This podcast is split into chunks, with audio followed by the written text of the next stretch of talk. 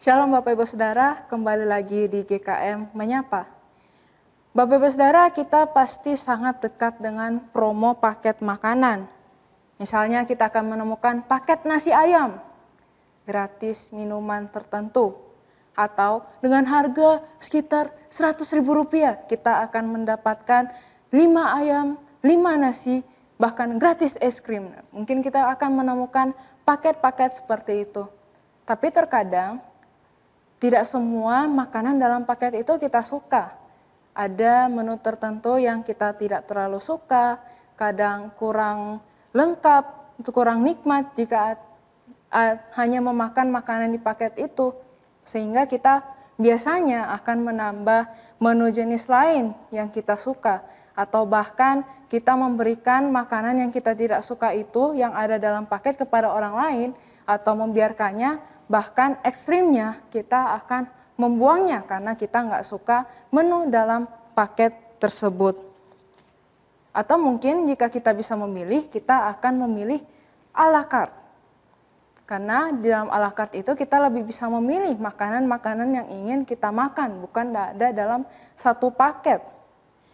Namun Bapak Ibu Saudara, pengenalan akan Kristus itu selalu diberikan dalam satu paket yang tidak dapat dipisahkan dan selalu berjalan beriringan. Paulus sendiri dia menuliskan kepada jemaat di Filipi, yang aku kehendaki ialah mengenal dia. Dia di sini yang dimaksudkan adalah Yesus Kristus dan kuasa kebangkitannya dan persekutuan dalam penderitaannya, di mana aku menjadi serupa dengan dia dalam kematiannya Keinginan terbesar Paulus adalah semakin mengenal pribadi Kristus, kebangkitan Kristus, maupun penderitaan Kristus. Ketiga hal ini tidak dapat dipisahkan. Ketika kita mengenal pribadi Kristus, yaitu Allah yang menjadi manusia, maka kita pun akan mengenal kebangkitan dan penderitaannya. Kristus yang menjadi manusia telah menderita dan mati dan bangkit pada hari yang ketiga. Mengenal siapa itu Yesus Kristus tidak lepas dari pengenalan bahwa ia mati dan bangkit untuk mendamaikan manusia dengan Allah. Ketiganya adalah satu paket, Bapak Ibu Saudara. Kita nggak bisa hanya meminta pengenalan kepada pribadi Kristus sendiri, Kristus itu sendiri, tapi tidak mengenal kebangkitannya.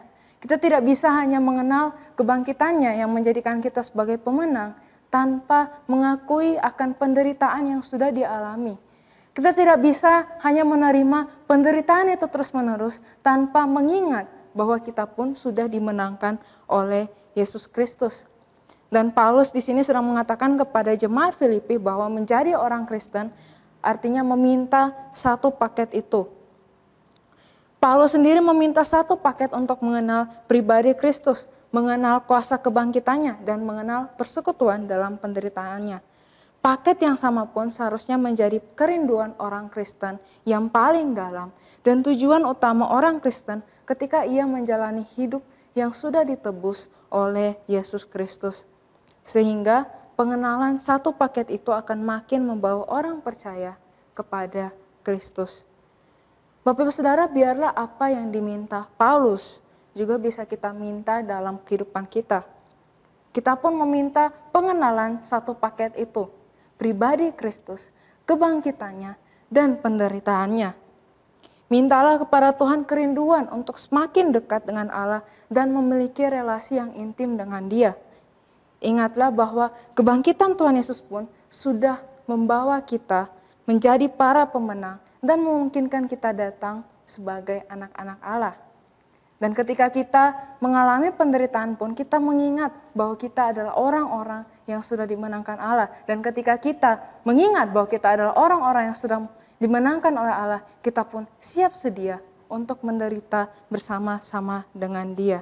Sehingga tujuan akhirnya adalah kita semakin serupa dengan Kristus. Tuhan Yesus memberkati kita.